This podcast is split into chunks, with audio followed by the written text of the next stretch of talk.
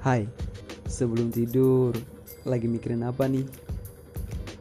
Hari yang menyebalkan. Mau beli makan, tapi males keluar.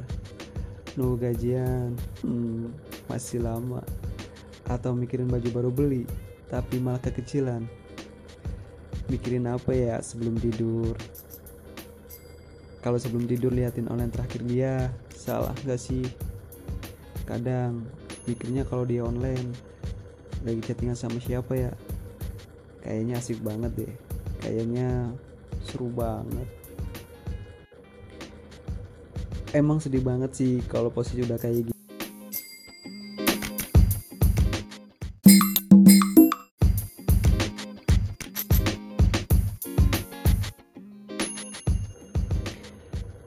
menyayangi seseorang tapi orang itu nggak tahu tapi mungkin hari kemarin tidak sebaik hari ini. Begitupun sebaliknya. Kita juga nggak akan tahu rasanya bahagia kalau kemarin nggak dikasih rasa sedih. Bisa saja kita cari yang terbaik, tapi tidak bisa menemukan dia di manusia lain.